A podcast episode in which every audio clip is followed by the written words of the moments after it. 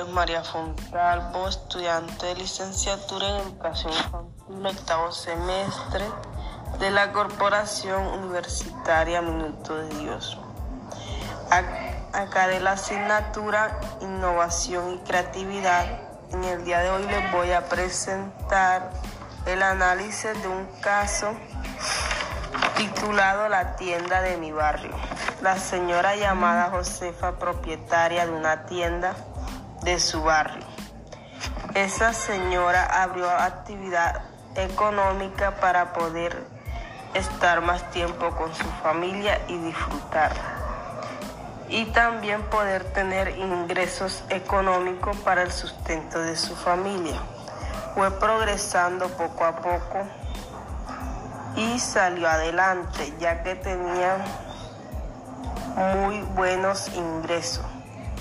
Era un negocio muy rentable.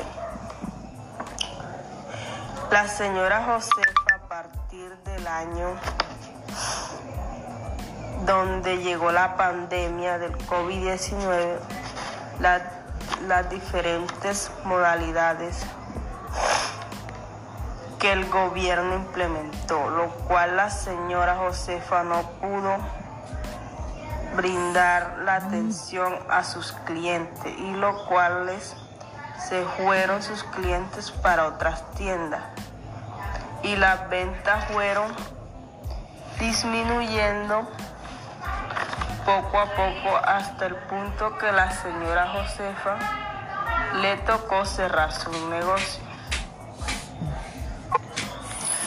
Desde mi punto de vista, la señora Josefa le faltó ser más optimista, más creativa, más innovadora y perseverante para buscar otra alternativa que le ayudara a superar la crisis que estaba pasando.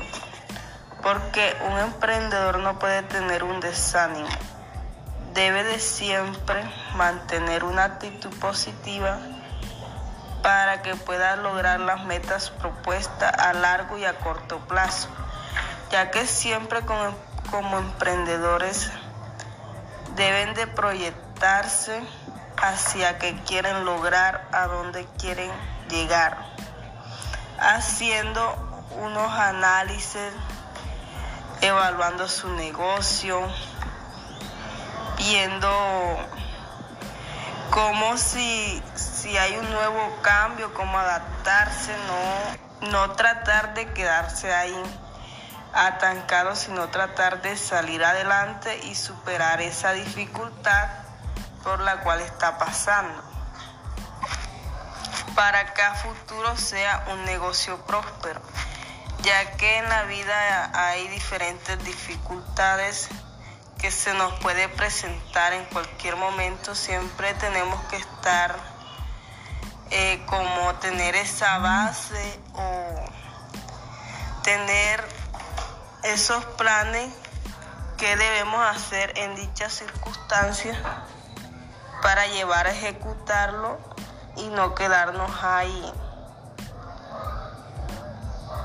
no quedarnos ahí atancados, sino tratar de salir siempre adelante.